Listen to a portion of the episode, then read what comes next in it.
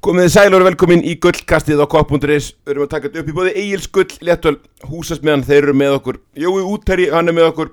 Öguverk EHF, þeir eru með okkur og við veljum í, í liði þeirra lið aldarinnar í bóði Öguverk. Verdi Travel, þeir eru með okkur og Don Protendur ykkurinn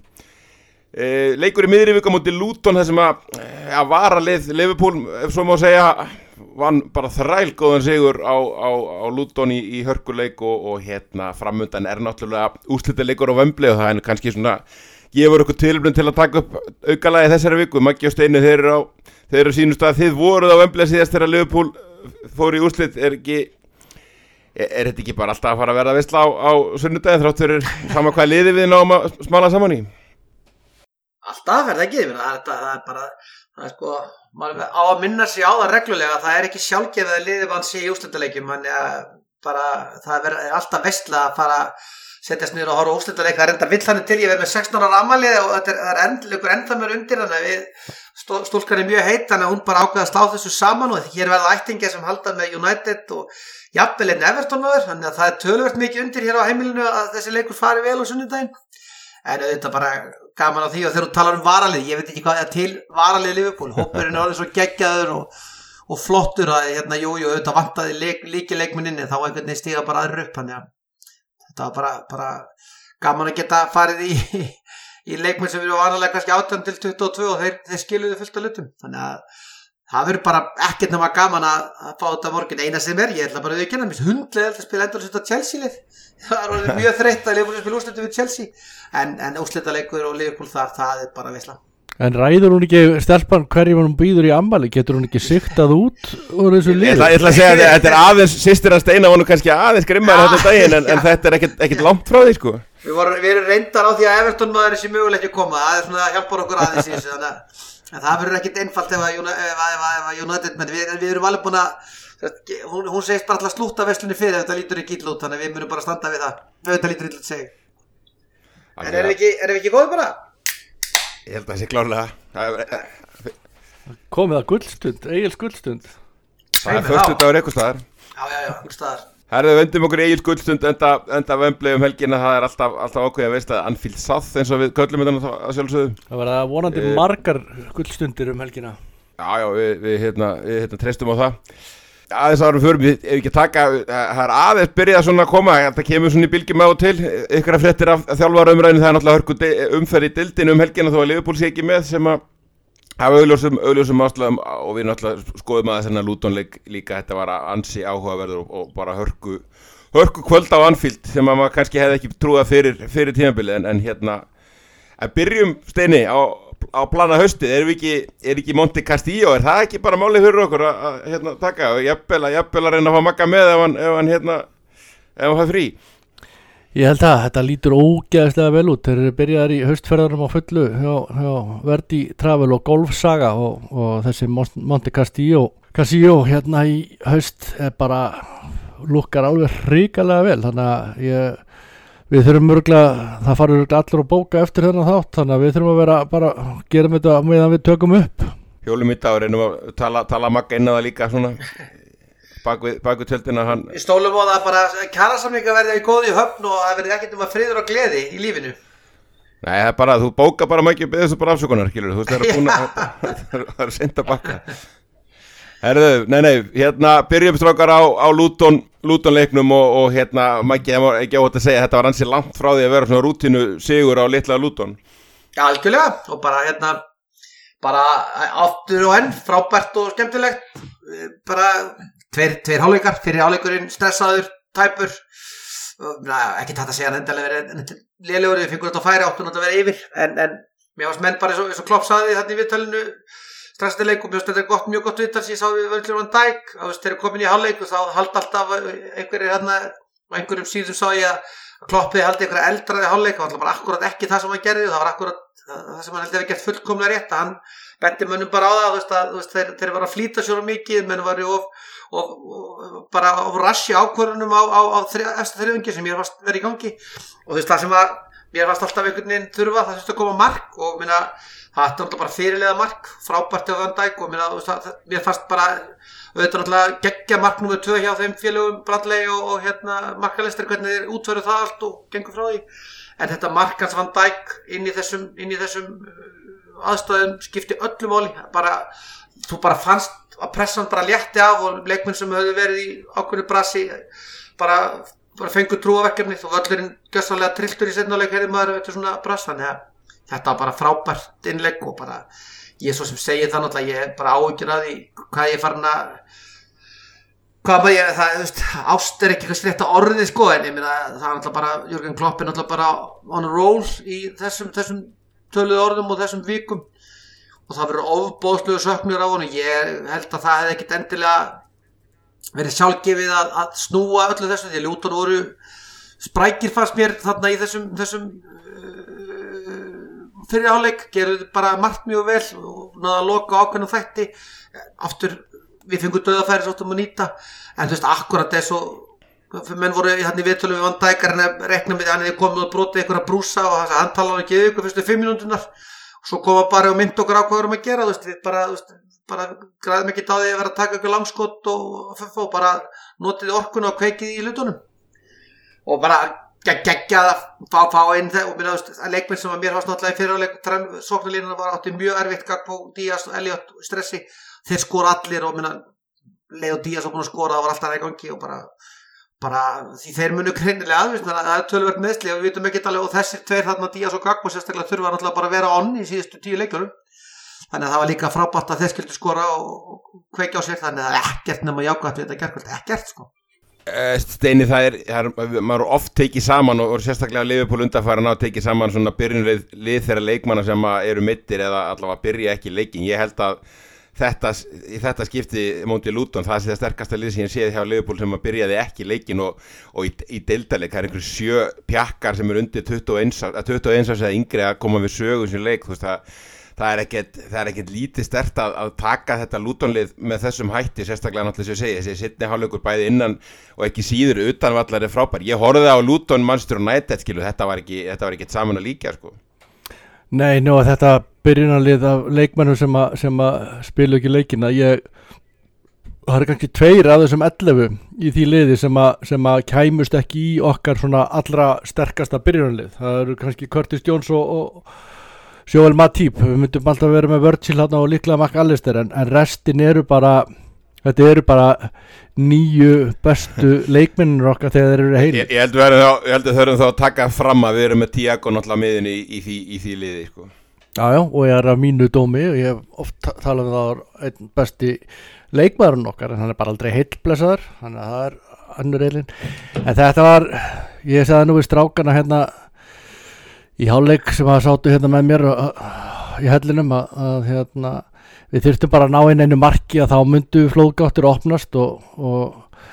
það var raunin, ég var nú á fundi fyrir í dag og, og var með það hérna, fyrirverandi dómarun og Gilv Orðarsinu miklum vestamannu og hann spurði mig hvort ég hafi verið byrjað að svitna í háleik ég sagði nei, nei, nei, nei, við erum hortið svo þölvanur þessu, við byrjum aldrei að svitna fyrir ná 850 mínútu. Þá ef ekki þetta er að gerast. En máli bara með þennan leik var bara mér fannst liðið vera að spila virkilega vel í fyrirháleik fyrir utan náttúrulega hennar þriðja hérna, já, síðasta þriðjungi. Og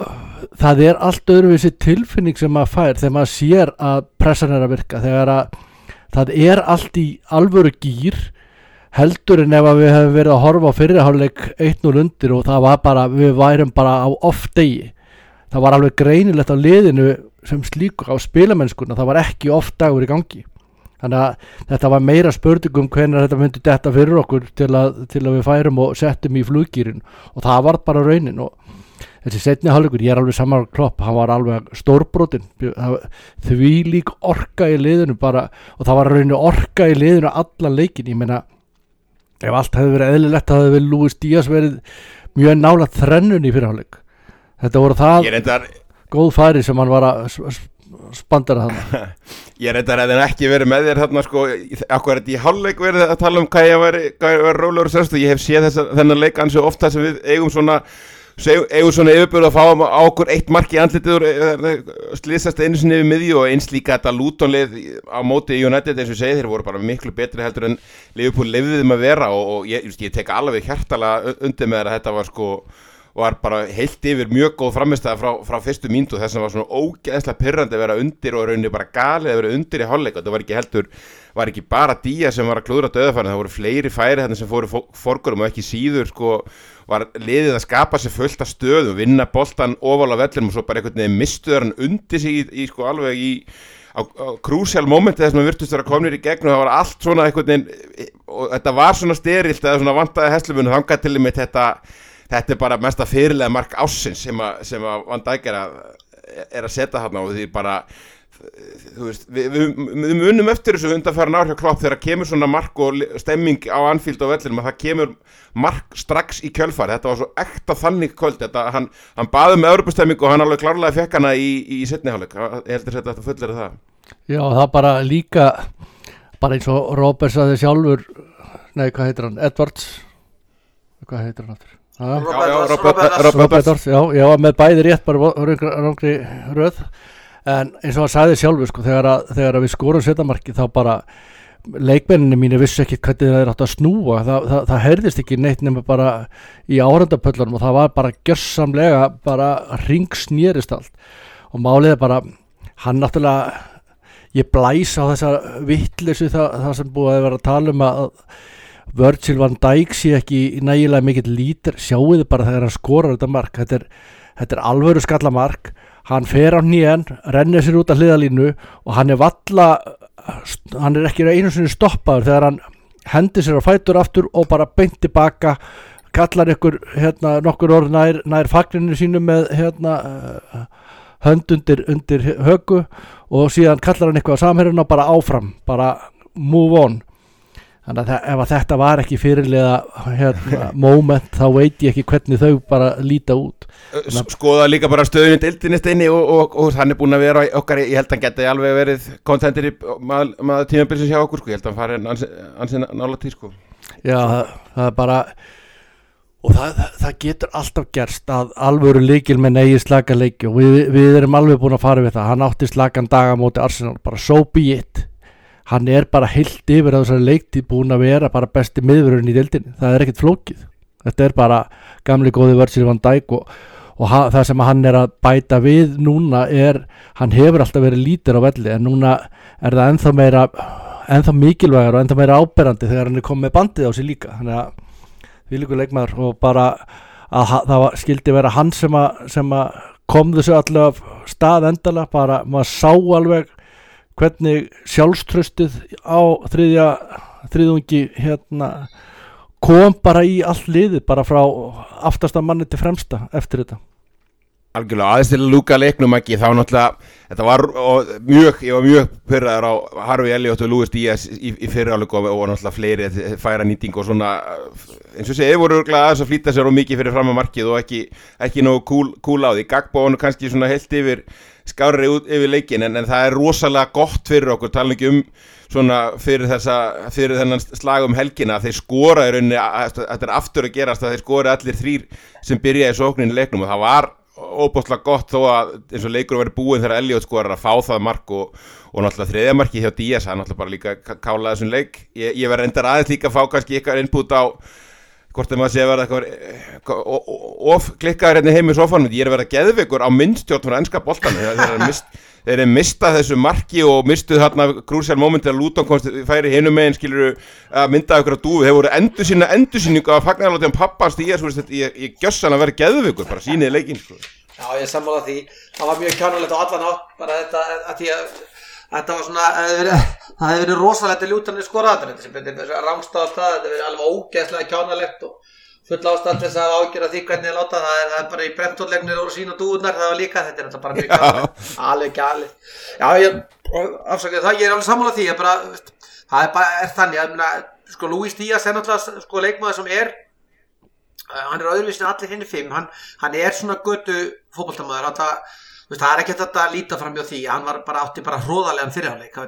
færið hann er þú veist það bara, sorry þú ert aðtunum að þú hefði færið til 35 sekundur kontallána heinu fokkin skot á marki sko, menn hann var búin að 6 skot í fyrirháleik og ég horfið á þetta okkur útlýsku stöða sem að lítið að Tim Howard var að, að analýsi háleik, menn hann átti að skora minnstu hversu tömörki fyrirháleik, það var bara þannig. En á sama hátt, svo bara sjástu það þegar hann var búin að skora, hann er svona gaur sem hefur svag sem að er mikilvægt að hafa, hann, er, hann, hann gerir öðruvísin allir hinn og það er alveg gaman við þessa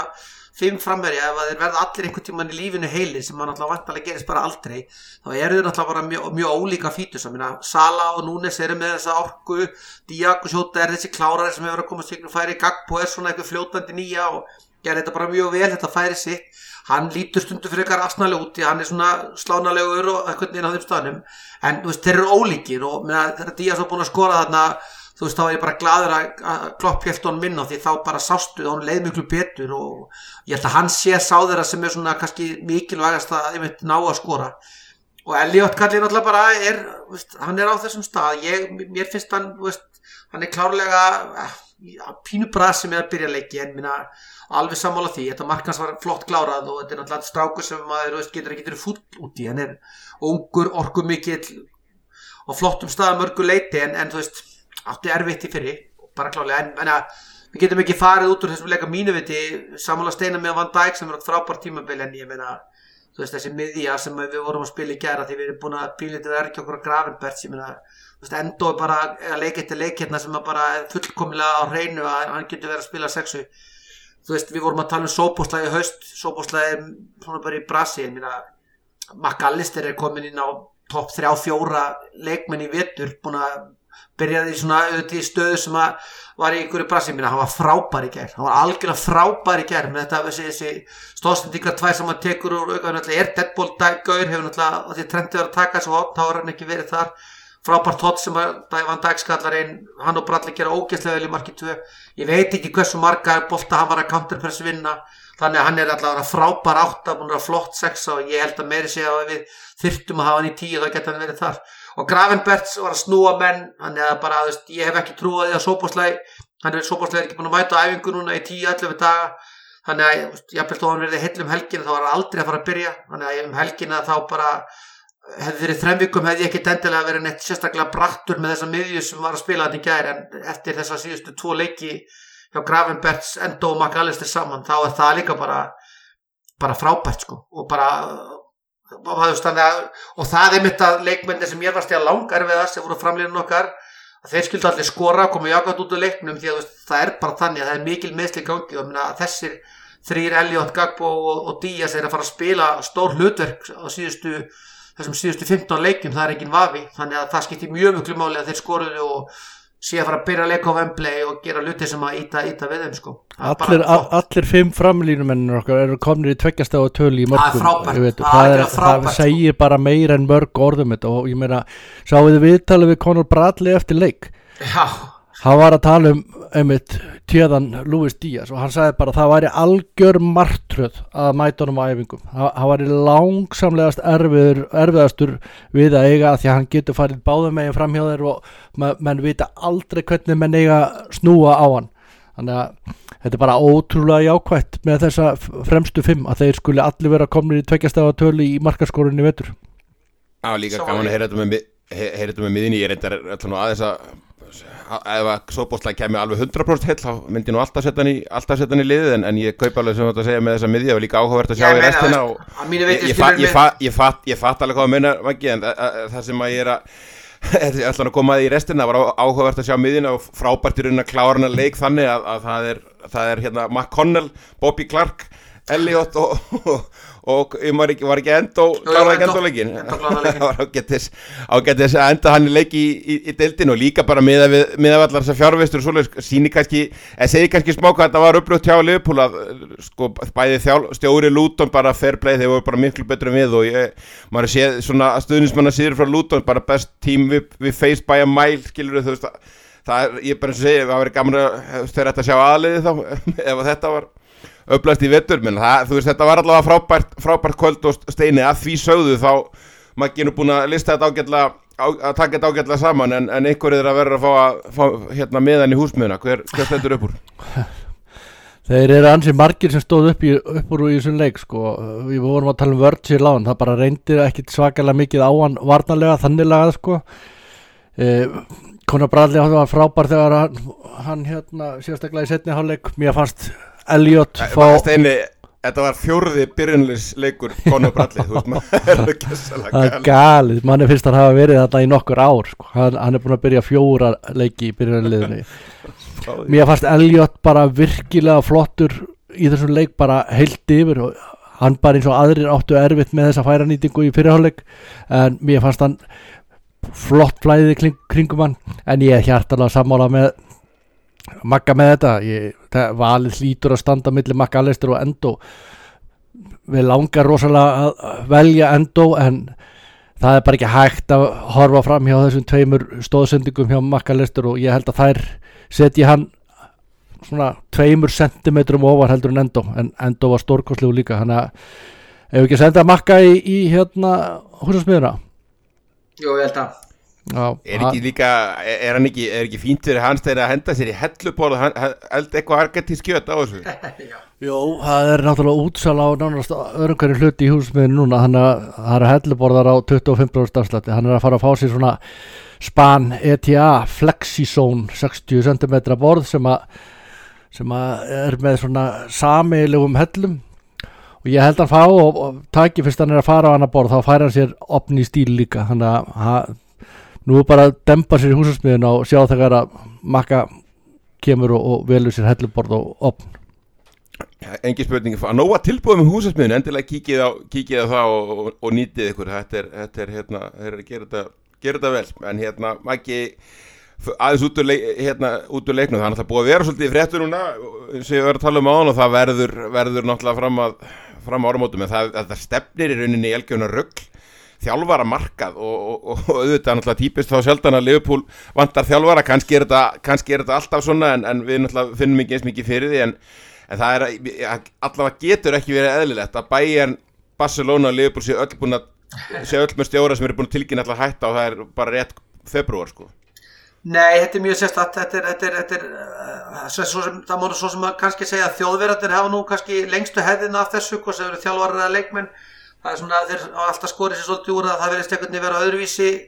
einhvern veginn bara mentalitet með það að leikmenn og, og þjálfarar tilkynni það bara, þú veist, um miðjan vetur að ég er að fara þangað eða hitt og einhvern veginn ekki bras með það. Þannig að kannski má segja að Tuchel sé kannski óvandast, ég held að hafa alveg eftir tapið um helgina það sína bara heitt undir honum. Svo tapaði fyrir Napoli þannig að, að ég held að það sé alveg klart að bæ já, fyrir ekki að að- að Bayern sé á að- alveg á þessum vagni og hafi verið þannig að, að minna, að strax eftir tapið mútið í Leverkusen og hvað þá að vera komin á þennan stað að, veist, að þá, þá svona vil ég gera það. Ég held að sé alveg klárt mála það, eru, eru stór nöfn vantarði kringum að miða við það sem maður heyrir í Fraklandi að þá eina sem heldur Luis Enrique starfi er því að hanga inn í mestraraldin áfram að það getur orðið svona líka enn eitt liði sem bætist inn í þennan hóp þessara svona hvað þessar reysaliða sem eru, eru mögulega að fara að leita sér að stjóra. Þannig að þetta verður þetta verður skrítin hvað að segja, skrítin uh, lending og endir á þessu, þessu, þessu sum, tímabili og sumri og, og hvort að menn verða búinir að tilkynna eftir, eftir menn Savi og, og, og hérna Tuchel og Klopp að mótið búið verður bara mjög spennandi en það er alveg klart mál og það er ekki droslega margir bitar á þessu markaði, það er bara þannig og það er, þetta, er alveg klart mál að minna, við, ef við höldum áfram að því að við hefum kannski ekki fundið neitt sem að heitir annar, annar góður kostur innan Sabi Alonso og þá er alveg klart mál að, að hans nafn er klárlega á blöðum og á fleiri staðin Liverpool. Þannig að það- þetta verður bara hörguslagur og bara, já er erfitt átt að sjá hvernig, hvernig þetta verður því þetta eru allt reysa klubbar með, með mikið apíl, að Barcelona Liverpool Bayern eða PSG er kannski verða fjórði, fjórði, fjórði reysin þá er, þá er það alveg, alveg ofbóðslegt sumar fyrir, fyrir stjóramarkaðin að, að, að hérna að hérna af, geggjum jobbum sem eru laus á ólíkan hátt. Það verður bara klárlega kapall sem rúlar það, það er engin spurning hann, hann verður spennandi þegar hann líður á, á tíðabili Maður vona það steini að, að hérna, Liverpool fær mestan fyrirvara af því að sé að fara að skipta um stjóra og eru örgulega búin að undibúa sko, breytingar bak við tjöldin ekki bara á stjóranum heldur náttúrulega sportingdirektor og allt, allt heila klappið örgulega 1-2 ár. Það, ég, ég trú ekki öðrun að þetta sé allt búið að vera aðeins í vera aðeins í vinslu og, og, og vantan að sé lengra komið heldur en þeir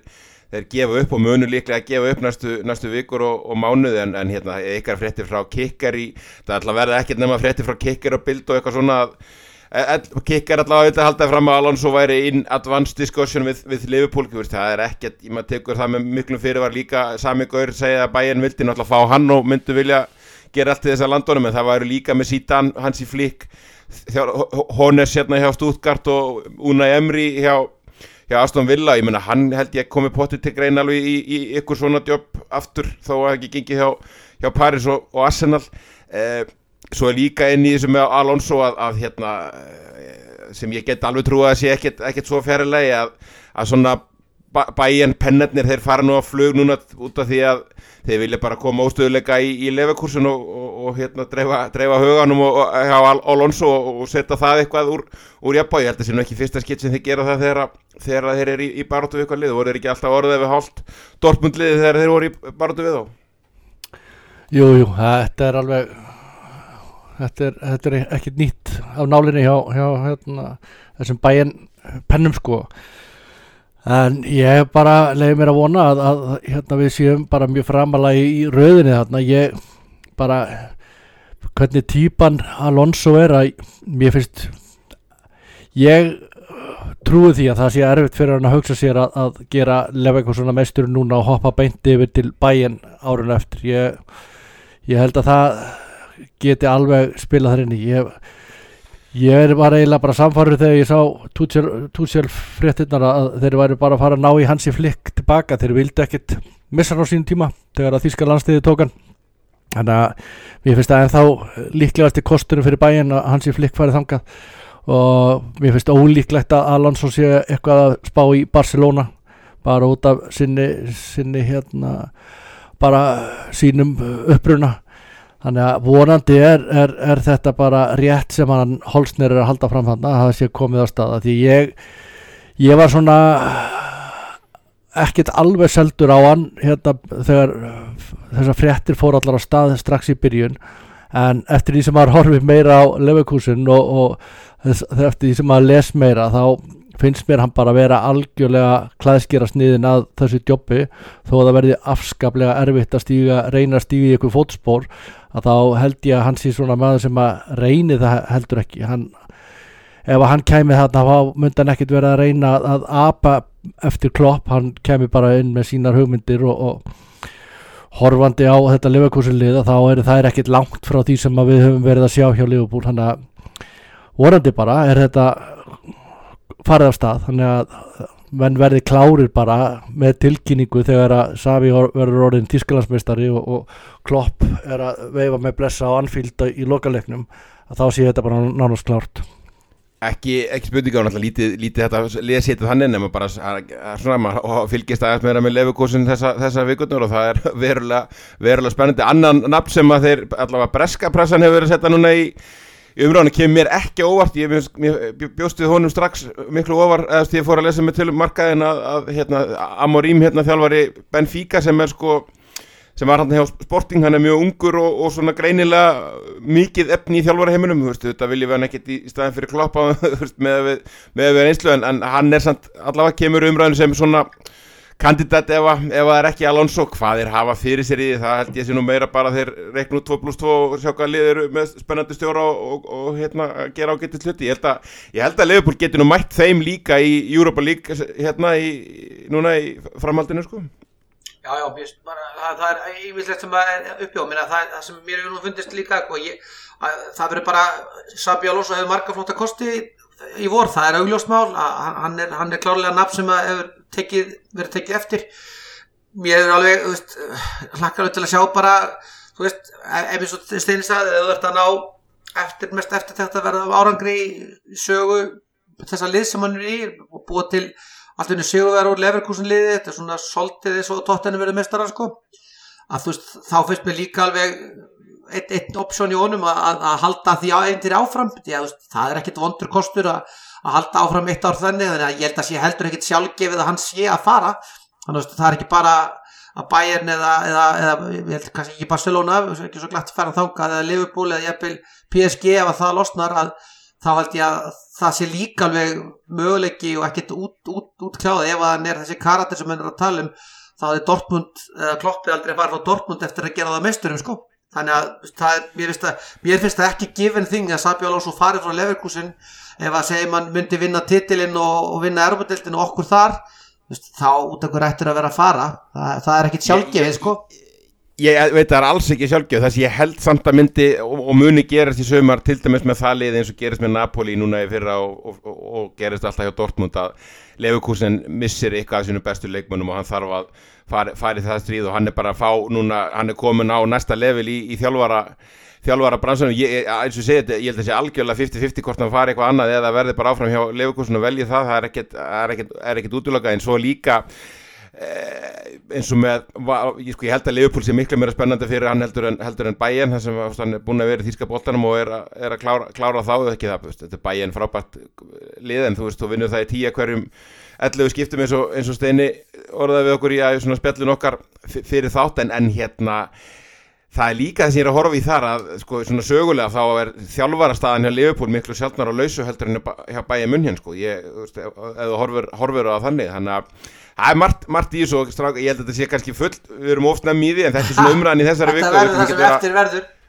Já, ég segi það, tökum við minni skömmtum og, og ekki kannski allan, allan þáttin eða í, í senn en, en ég held að sé næst að, að hérna er ekki að henda sér í Jó, útærja, fari, fari hérna, góðan æfingagalla, sjálfsögðu Liverpool æfingagalla en, en hérna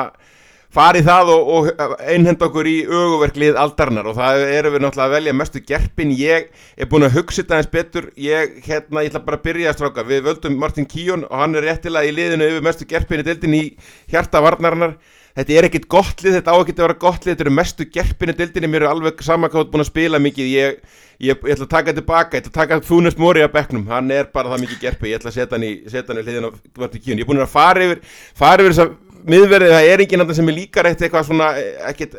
ekkit áberandi illa við, ekki bara svona heilt yfir illa við á alla, en, en Fúnist Móri bara, er, hann er alveg sérklasa finnst mér. Já, ég sko ég var alveg komin á, á sko Ríó-vagnin en ég held að Ríó hann er, hann er búin að öfugt við Gary Neville sem hefur svona mýkt mann aðeins eftir, eftir því eftir að hann hætti að spila fótbolta og fór í þetta pundit jobb þá hefur svona tilfinningar vondu tilfinningar gagart honum svona aðeins minkað eða bara mikið minkað en Ríó Ferdinand hefur farið akkurat öfugt sko. hann, hann er náttúrulega vest, vesti pund, pundit í, í bara veröldinni með Alan Shearer. Þannig að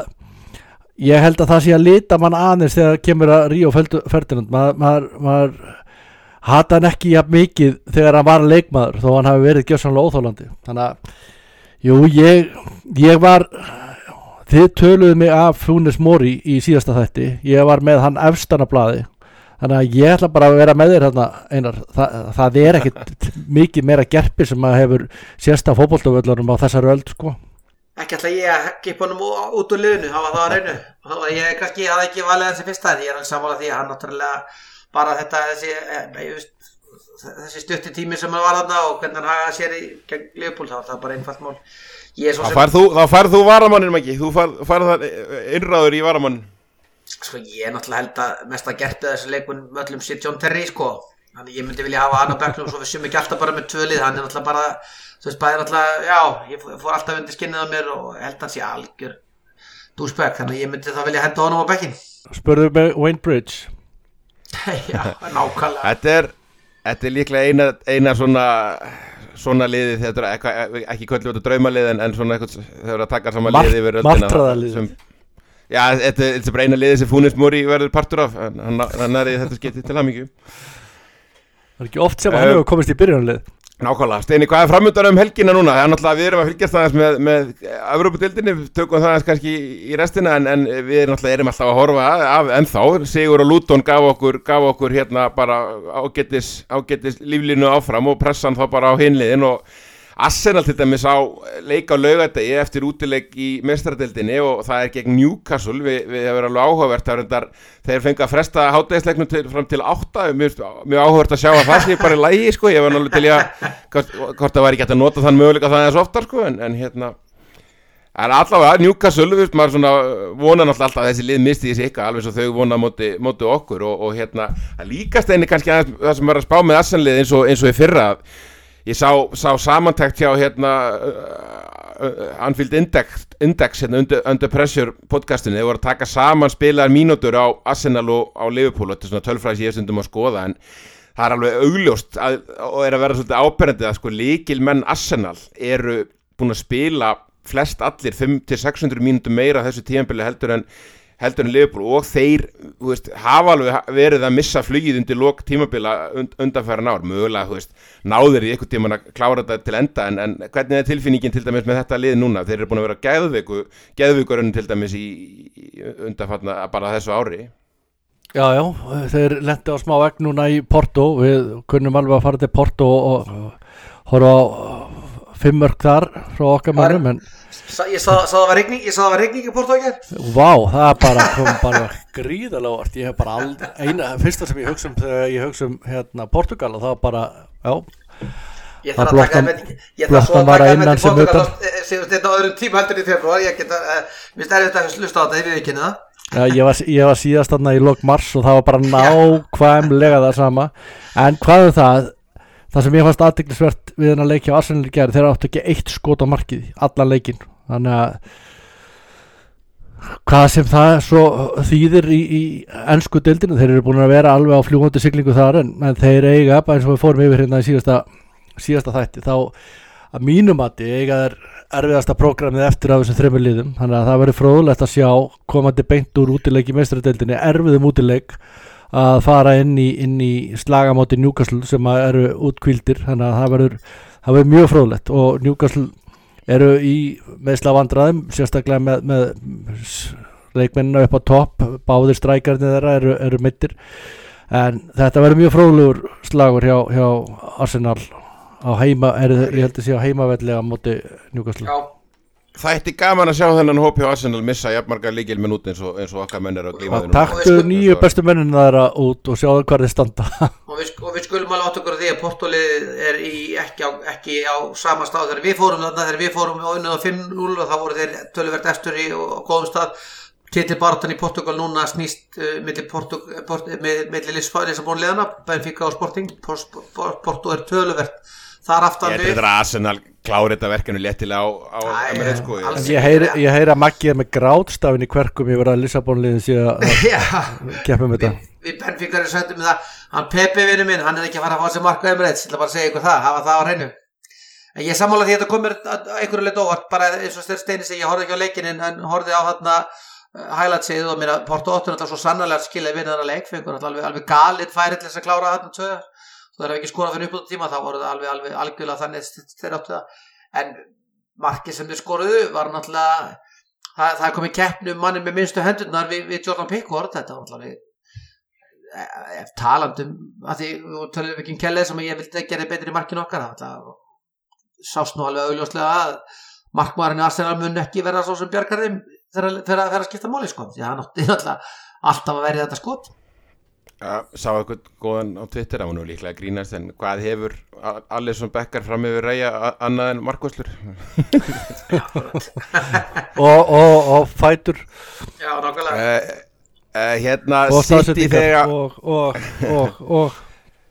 City fara út í leika móti, móti Bormoth, maður finnst, all, að, mér finnst þér vera að spila við Bormoth eða Börnli allar, allar vikur en, en hérna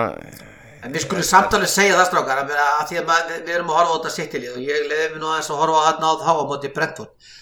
Þú veist, þetta sittilið, jafn mikið mann er maður alltaf ekki að jinxa það en þú veist, þeir fengur náttúrulega stíðin gössalega gefins þar sko, það var náttúrulega bara þeir voru alls ekki á góðum stað þetta mark sem þeir skora er náttúrulega bara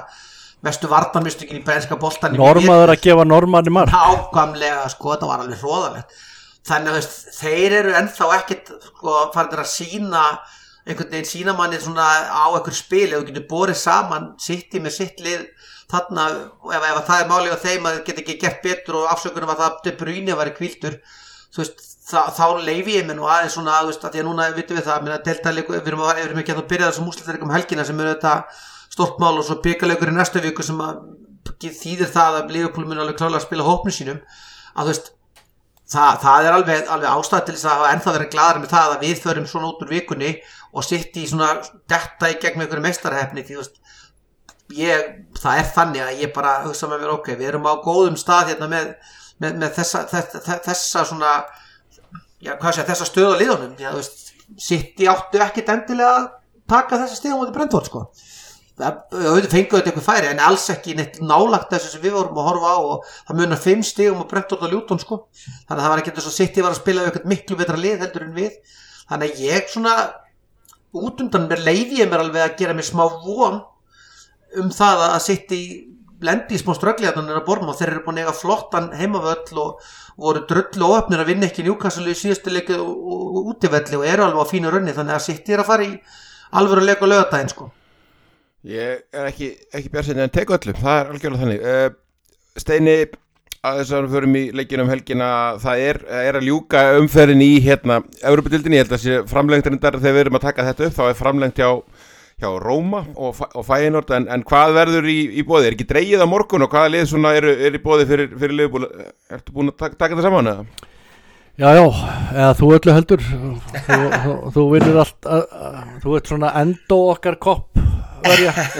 þú vinnur skítverkin og við bara komum og böðum okkur í, í, í ljóma. En já, sko klárlega sterkustu tvö liðin í mínum huga eru, eru eða þrjú í rauninni, er AC Milan, Benfica og Sporting. Það eru svona þau þrjú sterkustu liðin sem eru staðfest í pottinum. Eh, við erum líka þarna með Marseille sem að og, og hérna, já, Marseille Freiburg uh, við erum með Karabakh sem að enginn vil mæta. Það, það nannir enginn því ferðalagi og síðan erum við með Sparta Prag. Síðan er þetta bara spurning um Róma eða, eða Fæinút, Róma eru á heimavell að fara í framlengingu þannig að mér finnst mjög líklegt að þeir klári klári þannleik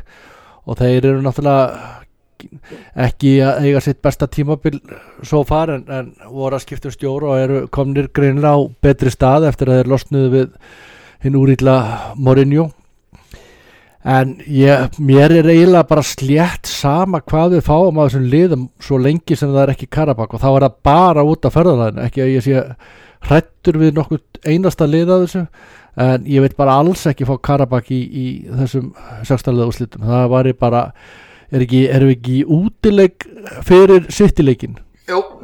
það er hróðalegt að þurfa að ferðast all, allaveg til Azerbaijan fyrir, fyrir þann leik Það er ekki stemmingin að fá, þú veist, AC Milan, Benfica, Massi, eitthvað svona, eða Sporting, eitthvað af þessu stóru, stóru völlum og, og, ste, og stemmingu, sko, í, hvað það var þar og eitthvað, eitthvað að skásar með, mögulega, mögulega þetta geta alveg verið stemming hérna í Freiburg líka í Þískalandi, sko. sko ef við klum átt okkur á því að Freiburg er náttúrulega bara, það- það liggur við að klopp geti verið heim til sín og pissað þegar hann spilar við Freiburg sko. það væri náttúrulega bara ævintýri útaf fyrir sig af því að Freiburg er náttúrulega bara borg sem við kannski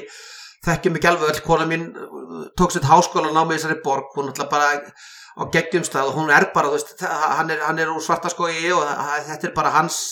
það er alveg, málið að hann þyrfti að komast þangað eiginlega. ég er alveg, ég er alveg komið þangað dag. Ef ég, ég fengi að raða þessu li- liðum upp í einhver röð þá væri það að klopp færi með liðbúl til Freiburg. Bara eitt, eitt svona flottur kapli í, þessari, í þessari sögu. Það væri ógeðslega gaman. Klárlega fyrir hann að fara þangað það er bara, það væri algjörlega geggjað Já, sjáum hvað gemur upp úr, upp úr pottinu. ég, ég, ég bara ég var alveg til í Freiburg það bara svo sannarlega eina sem að mér já, ég myndi helst vilja eins og segir, sleppa við ég var til í að sleppa bæði við, við hérna Karabakk og eins Sparta Prag ég að lítill völlur og, og, og bara svona maður er svolítið hrættur, hrættur um að þetta verði gert með minni, minna efforti ef, að- ef við lendum á móti þeim Sparta Praga er alltaf lítill, lítill völlur, það er þetta flott borg, það verður til að vera þar. Ég, mér langar mest af þessu að fara til Massei og, og fara þá sjálfur til Massei með steina og ég myndi fara með þeir í nammibúð þegar ég myndi, myndi fara. það er þetta rétt það er margt, margt til í því Herðu, það er Wembley um helgina Já, Tráka maður. Chelsea eina ferðin en það er alveg óþólandi þegar Liverpool kemst í þessa í, langt í þessum leikjum og það þarf alltaf að vera alveg sama hversu lélegir Chelsea er og einhvern veginn hittu á hittu á leikamóti, þeim þetta er þriðja skipti í rauði það ekki þau förum á Wembley og mætum þessu helviti Chelsea liði, ekki að þetta er, þetta allt, allt, allt annað Chelsea liði, það verður gaman að ef við getum tekið saman hvað er, hver er eftir að því liði sem að þið, þið sáuð um, hvað er ekki, tvö ár síðan? Jú, Jó, tvö ár En bara byrjum á Wembley, hvernig er, hvernig er upplifun að fara á Wembley og, og stemmingi yfir dag og, og svo leiðis? bara sjúk. Það er bara þannig, þetta var þetta var klárlega eh, að því, í þessum Liverpool upplifunum og þá er maður þessar, þessar, þessar Európaferði sem við hefum farið er klárlega eitt af þeim bestu. Menna, leikir, þetta var bara ótrúlega gaman. Og bara dagurinn ef, ef, ef þeir, þeir íslendingar sem er að fara þarna bara, bara ég öfndi ykkur mjög mikið og bara drífið ykkur sem bara hraðast upp á völl, þetta leiktímin er aðeins á öðruvísi, það er ekki ykkur hálf fimm eða eitthvað þegar við steinni voru síðast. Þetta leikur nú er sér klukkan þrjú og ég bara hendið ykkur sem fyrsta döputir þetta er náttúrulega bara eitt standandi partí og, og ekkert nema skemmtilegt völl er náttúrulega klikkaður veist, og þægilegt að veist, stutt í lestirnar þú veist, þið búa til þessi svæði fyrir utan sem eru flott og svo eru náttúrulega leggja liðupúl undir sig einhverja barið þarna nálagt það voru tveir stórir barið sem voru bara undilaður að liðupúlmunum sem er náttúrulega bara ekkert náma gaman og það, það er ekkert vesen þau skilir ég skil ekki þetta ráli löggunni þarna voru Liverpool og Chelsea menn bara veist, allan daginn að mingla á einhverjum stöðum og og búinu til einhver svona einhver heimasvæði og allt það en bara, bara ógeðslega gaman og bara veist, þetta er alveg, alveg, alveg þannig að ef maður hefði allan tími vel veldin og geti eitt þeim peningu sem maður langar þá held ég, held ég bara alltaf fara á útlita leiki á Vembi við Liverpool þannig að þetta er bara, og, og, bara veist, það er ekki þetta að bera þetta saman við það að þú sé gaman að vera á horfa sjónvarpið og vera einhverju stað. Það að vera, vera á þeim stað og þetta er alltaf voru við á þeim stað að liða okkur lifti byggandi sem betur verð þú veist, það geta verið þarna nálagt og veist, ég, mitt sæti var tilfæðlega nálagt í þessi lifti byggandum þetta er bara moment sem er ógeðslega gaman að taka þátt í. Þannig að bara þeir sem er að fara til London eða áttu ekki miða drifið þarna upp yfir og farið í partíð og ef þú átt miðan njóttu, verður bara í miklu stuði. Ég, ef ég væri í London um helgina ég myndi vera þarna bara allan daginn í rauninni og taka leikir bara einhverju sjóarpi sem næstónu sko. Því að partíð var, að stemmingi var, var þannig. Maggi náttúrulega líka svolítið litaður með þessa upplifun að hann, hann bjó í fataskáp með mér Já, reyndar, það, ég mæla alveg við því ef fólk getur fengið fataskáp og ef að steinu með í pakkanum þá er það bara allt í góðu sko Ég tek undir þetta alveg bara full, við byrjuðum að fara inn á fansónið og, og vorum þar í, í dágáðan tíma en síðan röldu okkur hann inn á bar og það var bara maður var bara orðin bara hás þegar maður kom inn á völlin því uh, náði samt svona kreista úr sér, úr sér uh, söngvarna yfir, yfir sjálfum leiknum. Síðan náttúrulega var þetta marathon leikur með, með hérna, einni lengstu vítakeppni sögunar þannig að það var voða gaman þegar að keppa sett hann upp í röðsetta og rotaði einn þar. En þetta var bara mögnuð upplifun. Ég hef nú búin að fara á, á ég fór til Istanbul og síndi og voru búin að heyra því eða? Nei, ég man það ekki. Man það ekki en þetta er bara alltaf frábært og- en síðan náttúrulega bara hægara sagt en gert að komast á þessa leiki. Þannig að nú er bara um að gera að, að hérna, búa sér til alvöru stem, stemmara hérna, hvar sem enn verða hvort sem þið verið í ammali hjá Magga þá voruð þið bara aðeins að exklúta þessa mannstur United menn fyrst hann getur ekki valið betri í þessu ammali sín en bara búa til alvöru svona venjú bara hjá sér fyrir hennar leika því að Er, er, er ekki klubburinn líka að gera alveg Jú, partí í, hérna, svaka partí míni- mínigarðinum? Jú, jú. Þeir eru að, að, að hérna, tre, trekja þangað þannig að ég er að trekja hellirinn það verður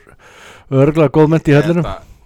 Ég held að Þóri frændi sér líka með að, bara rullið á Selfoss, það er alltaf málið að fara á Selfoss, taka leikin á, á hérna, miðbar, það er komið fínast aðstæði það, ég held að það sé, það sé steinleiki, kíkja á Við, Selfoss og við, horfa á leikin, við erum nú að fara að taka þetta út hjá hann og Þóri fljótlega, var það ekki? Já, algjörlega, Það var í apríl hjá okkur þar sem við ætlum að taka þetta sérstaklega út hjá hann sviðið. Fyrst, fyrsta skipti sem að ljótu halvveitin að vera 12 í salnum. Herðu, hérna, þriðja, þetta er þriðja ferðin hjá Klopp á, á Wembley þessara keppni og, og hérna, við höfum nú oft séð Liverpool undir lok tímabila og verið í úsliðarleiki í meistardildinu svona með, með hópin tæpan og þá erum við að tala um meðsli okkur tveim þreim mönnum, þetta er náttúrulega bara komið okkur annar level, okkur annar rugg hvernig, hvernig þetta er að spilast núna hjá okkur þessar vikurnar og það er ekkert sem lítur út fyrir það held ég Maggi að það sé neitt að koma tilbaka sem var ekki með um helgina ekki í hópin nema að þú veist mögulega Sala og Núnes og ég held að eins og hann er að tala allavega og þeir eru ekki á æfingum að, að það verði ekki mikið meir en á bekkin eða hvernig lest ég þetta? Sko, ég held, held að í rauninni að sko að sjálfströst klopp á þessum leikmannhópi hafi alveg píldi skiktan á miðugundaginn, þeir eru búin að vera á æfingum, munur hann að sala núna þess að það, þeir hafa verið í svona non-contact reyfingum á æfingarsvæðinu meðan sóbúslega hefur bara ekki sest út á grassinu en þá þannig að ég held að, að hann hafi alveg hort á þennan leik á miðugundaginn og hugsa með sér, þú veist, við bara þurfum að þetta er bara winnable leikur út frá því sem ég er með höndunum sem að kom sögljós þannig að ég gerir mér vonur um það að við sjáum og jafnvel báða í hóp hvort hann þarf að skipta þessu eitthvað að millið þeirra kemur í ljós. Það sem var heyrir hjá Sala er þetta hafi verið fatík sem er þetta bara þreita á þýðir það að hann ætti að geta hent honum eitthvað inn á þú veist hann, þetta er úrstættalegur og minna, veist, það sem við sáum í fyriráleik og móti betra liðin Ljúton er vona ég að við sem ekki fara að stilla upp sóknalínu með, með Elliot til dæmis þar. Það, það, það er bara það er ekki að vera nógu gott til þess að vinna leikin þannig að ég gerir mér vonur um það. Við munum sjá það bara á, morgun þegar hafa þennan auka dag þannig að hann hefur ekkert verið að æfingin á þriðju degi hefur verið eitthvað svona uppbytun fyrir leikinu á miðgudaginn æfingin í dag er bara æfing þar sem menn er að tegja og taka úr sér. Á morgun þá er æfing sem að mun klárlega verða mjög ringt í hverjir eru að mæta svæðið og, og hann veldi með blaðamann að fundi hátteginu á förstu degi eða svo takaði lögutægin pása þar sem við fáum að vita þess meira. Þannig að ég gerir mér vonur um það að við fáum annarkort Sala eða, eða Darvin inn í byrjunulegð á sundaginn en að öruleiti munum við ekki held ég svo neina stóra bryttingum mér fannst ég sjá þetta, þú veist, hann tekur bralli út af þannig að hann ætlar að spila honum á sundaginn Gómez verður settur á bekkin Robbo kemur sent inn á hann þetta verður verður þannig að, að Robbo og bralli verða í bakurunum Konati kemur aftur inn. Ég held við sjáum þessa miðju sopuslægir það, það er það væri bara mínu viti mjög rámt að kippa einn gaur í byrjunlið sem hefur bara einmitt ekki verið á grassinu og er bara ekki á þeim staðnum. Maður er bara svo confident með þessa miðju bara eftir þess að síðustu tvo leiki. Það er bara, veist, maður vill eiginlega bara ekki sjá,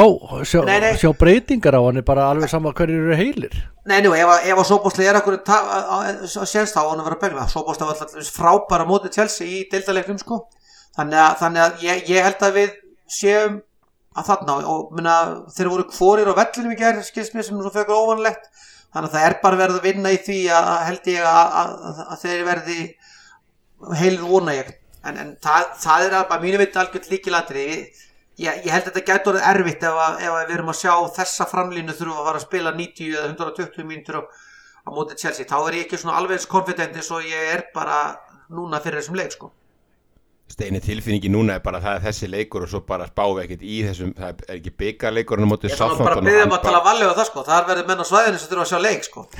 Þú verður bara að sjá um þetta þú verður líklega að bekki Ég, ég, ég er þetta til í það. Ég er alveg bjóðum Erum er við að fara að tala um það að við séum að fara að skipta út Adrian fyrir Magga? Já, ég held ég verði betur reyndar. Ég reyndar er heldur til í það.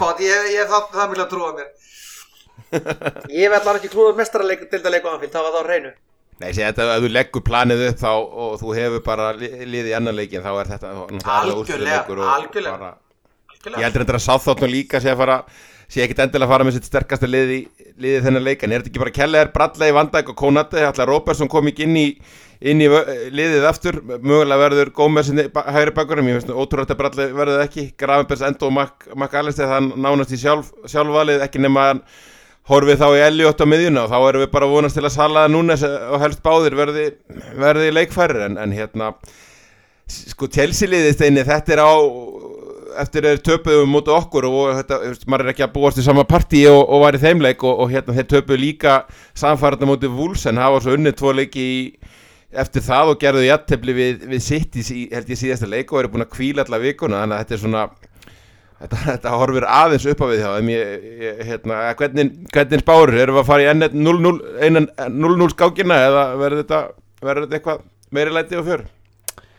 Maður er alltaf vonast til að hérna, okkar menn mæti til leiksins og þeir mætti í síðasta leik. Að bursið frá því hvernig þeim gekk á síðasta þriðjunga þá, þá var virkileg orka í liðinu frá fyrstu mínútu og, og ég er alveg pottitur á því að ef við mætum þannig inn í leikin þá getum við alveg sjokkarað á svolítið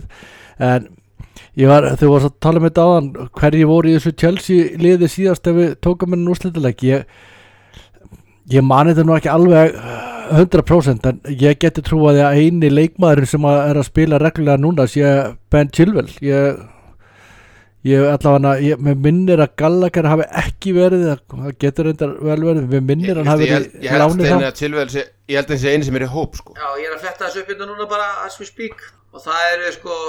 hjá, hjá Chelsea þá erum við að tala um Já, en, engin þeirra, já, Tiago Silva náttúrulega, er, hann meittur núna eða? Ekki hann er bara dott, dottir út í liðinu. Já, ha- hann er svo eini í, í, í, í byrjunarliði Chelsea sem var ennþá að segja sem helgina því að James er meittur og þeir sem koma þann inn á eru já, engin það er bara þannig. Þar hefur það. Það, það, það, það bara, smá, smá breyting á tveimur árum. Já, já, algjörlega og ég held að mjög ég- margir þessara leikmanna sé að spila sin fyrsta úslendalik á ferlinu Já og ég meina þa þarna er ekkit ólíklegt að reynslan aðeins hérna kikki inn líka. Og málið er að, að svona leikmann fyrir leikmann hræðist ég ekkit í þessum leik þó það vanti ykkur að 8 til 11 leikmann hjá okkur. Þe- þetta en síðan er þetta bara allt öðruvísi dæmi þegar þú er komin í svona úslítaleg þetta er bara, það er bara hvernig þú veitir þetta klísja með þetta dagsform en við sjáum það bara að ef að þetta liðupúlið mætir í leikin eins og þið mættu núna móti Luton Luton er bara alls ekki einfalt lið að eiga við. Við erum búin að sjá það margótt í vetur og brenna okkar á því sjálfur ef að liðupúlið mætir í hérna leik þá hef ég bara akkurat engar áhyggjur af, af leiknum sem slíkum. En það eru bara fullt af gæðum í slatt af leikmennum hann að þessu tjálsýlið þannig að ef að við erum ekki á deginum okkar þá er ekkit þá er ekkit erfitt fyrir okkur að tapa þessum leik. Að, en ég hef bara trú á því að menn verður rétt stemdir það er mikil reynsla, það er mikið að leikmennum hann hefur Liverpool sem eru búin að taka þátt í mörgum risastórum leikjum í gegnum tíðina. Þannig að ég hef trú á því að þó að við séum langt frá því að vera útkvildir og, og, og svona mjög bera beinaberir þegar það kemur að, að hérna, leikmann á hópnum þá held ég að reynslan komið til með að hafa svolítið áhrif þannig en vissulega, vissulega og eftir að sakna margra. Tölulega, hversu mikla trú? ég vil halda mig við 70-30 að hérna 70% líkur okkar sigri. Og ég ætla að segja að við höfum þetta af. Uh, þetta verður ekkit einfalt eins og ég segi ég held að við klárum hennar leik 2-1 Já, þetta er úrslutleikur sem að Daniel Gort er ekkert að telja, það er deildarleikir sem telja. Ég ætla bara að leifa mér að vera sammála steina yfir tölun. Ég held að þetta verði alveg, verði alveg bara, já, ég er bara algjörlega sammála steina. 70-30, þetta er bara á þeim staðum að við, það er erfitt fyrir Chelsea að, að gleyma því að þeir voru gjöss á lifispilaðir. Þú veist, við, akkurat að því ég sá eh, töluvert kapla úr þessum Chelsea City-leik og svo er City að fara að spila við Brentford, þá held ég að, að í rauninni það hvað Chelsea var komið í rosalega vanda í setnihalögnum á City þó þegar við blessunlega haldið það út síni bara það að þeir eiga í erfileikum þannig varnarlega með þess að þeir eru minna Chilwell hefur ekki verið að eiga eitt rosalegt mót og þessi Disasi hefur aldrei heillað mig þannig að þannig ég held að ja, ef við, þessu sé, mér vist ég hef auðvitað geng út frá því að við getum verið að horfa á það að við séum að fara að fá Darvin eða Sala eða jafnvel að báða með einhver aðkoma leiknum. Ég held að þetta gætur aðeins erfiðar ef við þurfum að spila þessari sóknarlínu sem við erum að tala um núna. En ég ætla svona að gefa mér það að við fáum inn þarna input frammi sem þeir muni eiga mjög erfitt með að ráða við og, og ég bara að fá að vera með sömurspásteinin. Það verður 2-1 sigur en við förum með 2-0 og þeir minka munin. Það verður ekki þannig að við verðum í algjöru ströggli held ég. Líkilatrið finnst mér að við mötsum þá á miðjunni mitt Makka Allis er til dæmis að spila þannig að þessu tíðanbili hann er ekkert síri heldur en heldur en Fernandes og ver, vermiðin gefi, gefi hann að kynna. Enda búin að vera frábær og, og hérna e, Grafibers hefur verið flottur í síðustu tveimur leikjum. Ég var hann í gífulega pyrraðar ánum fyrir það og, og bara vonandi heldur hann áfram á, á þessari línu. Við þurfum hann, við þurfum hann að stígu upp og þegar, þegar Liverpool hefur þurft þessu ungu stráka til að stígu upp þá hafa við verið að gera það í vetur. Þannig að það er bara jákvæmt, mér finnst þetta algjör 50-50 leikur, mér finnst alveg fáranlegt að spá fyrir um úrslitaðleika móti Chelsea og spá ekki í jættefli þannig að þetta fyrir alltaf klárlega að jættefli en, en hérna ég setja á 2-2 ég er hættur að spá að Liverpool haldi hreinu þegar Kelle er í markinu. Þó að þessi ekki alltaf honum að kenna þá bara heldur virðist er ekki hreinu í þeim leikjum. 2-2 og vinnum í, í hérna framlíkingu Við settum okkur við allt, bara byggarinn og loft og, og það er það er einhvern veginn, þú veist, djöfullin, ég hérna, ætla að passa maður að jinx ekki, en þú veist, veist, það er svo margt að teiknast upp í það einhvern veginn að, þú veist, að þarna séum við að sjá þennan, þennan galdramann sem er að stýra liðin okkar einhvern veginn komast á einhvern stað sem að bara mun gera hann einhvern veginn bara endan lótöðlega fyrir okkur sem höf- höfum aldrei séð þetta lið. Þú veist, það er einhvern veginn það er svo margt einhvern veginn að falla til og það er svo því ég hefði alveg ágjur af því einhvern veginn að veist, þegar mönnur er að hætta á það er það þannig að mögulega einhver energi sem þú ert aðeins að detta og leikmennir fara á einhvern stað en það er verið konur yfir það. Það er á morgun eða á sunnudaginn þú veist, menn munu hlaup úr sér lungun fyrir hann sama hverjir það eru og hvernig þessi staðan verður. Veist það, þetta er bara þetta er element þó sé atvinnumennska og þó sé allt skilur mig þá skiptir þetta máli. Ég meina, hann líka skólaði Pochettino í meistaradildin þannig að það er svo margt sem er þarna sem að bara skiptir máli að- vinna. Þannig að ég hérna ég verð ógeðslega svektur ef, ef að þetta myndi klikka á sunnudaginn því að þú veist við þurfum að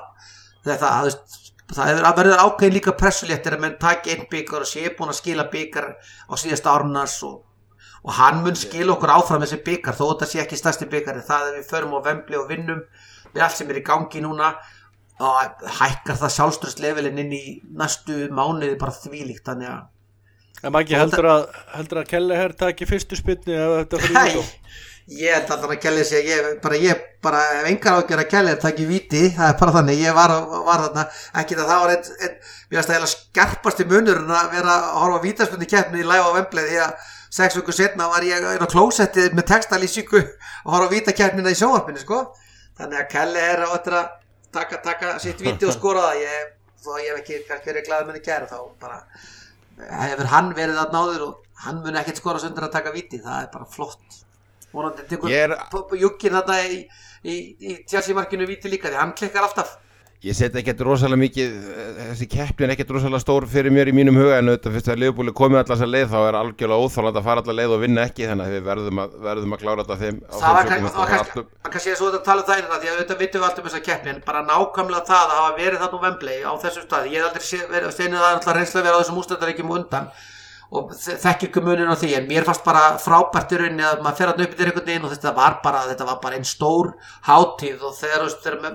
steinu það er alltaf reynslega verið á þessum ústættaríkjum undan og þe- þekki ekki í að að var þegar, þegar, þegar búinn það fór ekki kjaftur að leifupólmónu ég var að í einhverja 40 mínútur taka dálskona myndir að ég var að nála veljóðanáttingunni og þetta er bara þetta er bara það sem er svo gaman að fara í úslutalegi og lifta einhverju dollu og bara, bara come on, þetta er bara þetta skiptir Var- máli sko. Maggi, hérna, ég hef aldrei verið aðdáðandi dúa lípa tónlistakonunar en Nei, til en dæmis. lögin hennar svo, svo leiðis klingdu í haustum á manni bara í vikum saman og eftir Já, af því að algjörlega. þeir hafa mjög gaman að að, að hérna, syngja það þegar að búið er að klára hlutina. Já, fyrst við vorum að fara allar þess að leið og taka þess að tvo fáranlegu undanúslutarleiki sem er, er held ég síðasta skipti að ég vona það þá er ein- eins gott að, eins gott að klára þetta. En hérna, þetta er gott í gott í kvöldstrákar, þökkum Egil Skull fyrir að vera með okkur. Húsasmiðan, þeir eru að fara fá Alexis McAllister í heimsók Jó, Terji, þökkum þeir fyrir að með okkur. Öguverk lið, hérna, aldarnar skipað mestu gerpunum, Fúnis Móri er rétt til að koma inn í þallið en það er hann eitt mesta gerpi sem við spilaði úrstildinni Verdi Travel, þeir eru með okkur. Og Don Protein takk í, í þessari viku og við erum, já, við erum hættir þessari viku, Sjá, heyrust þér næstu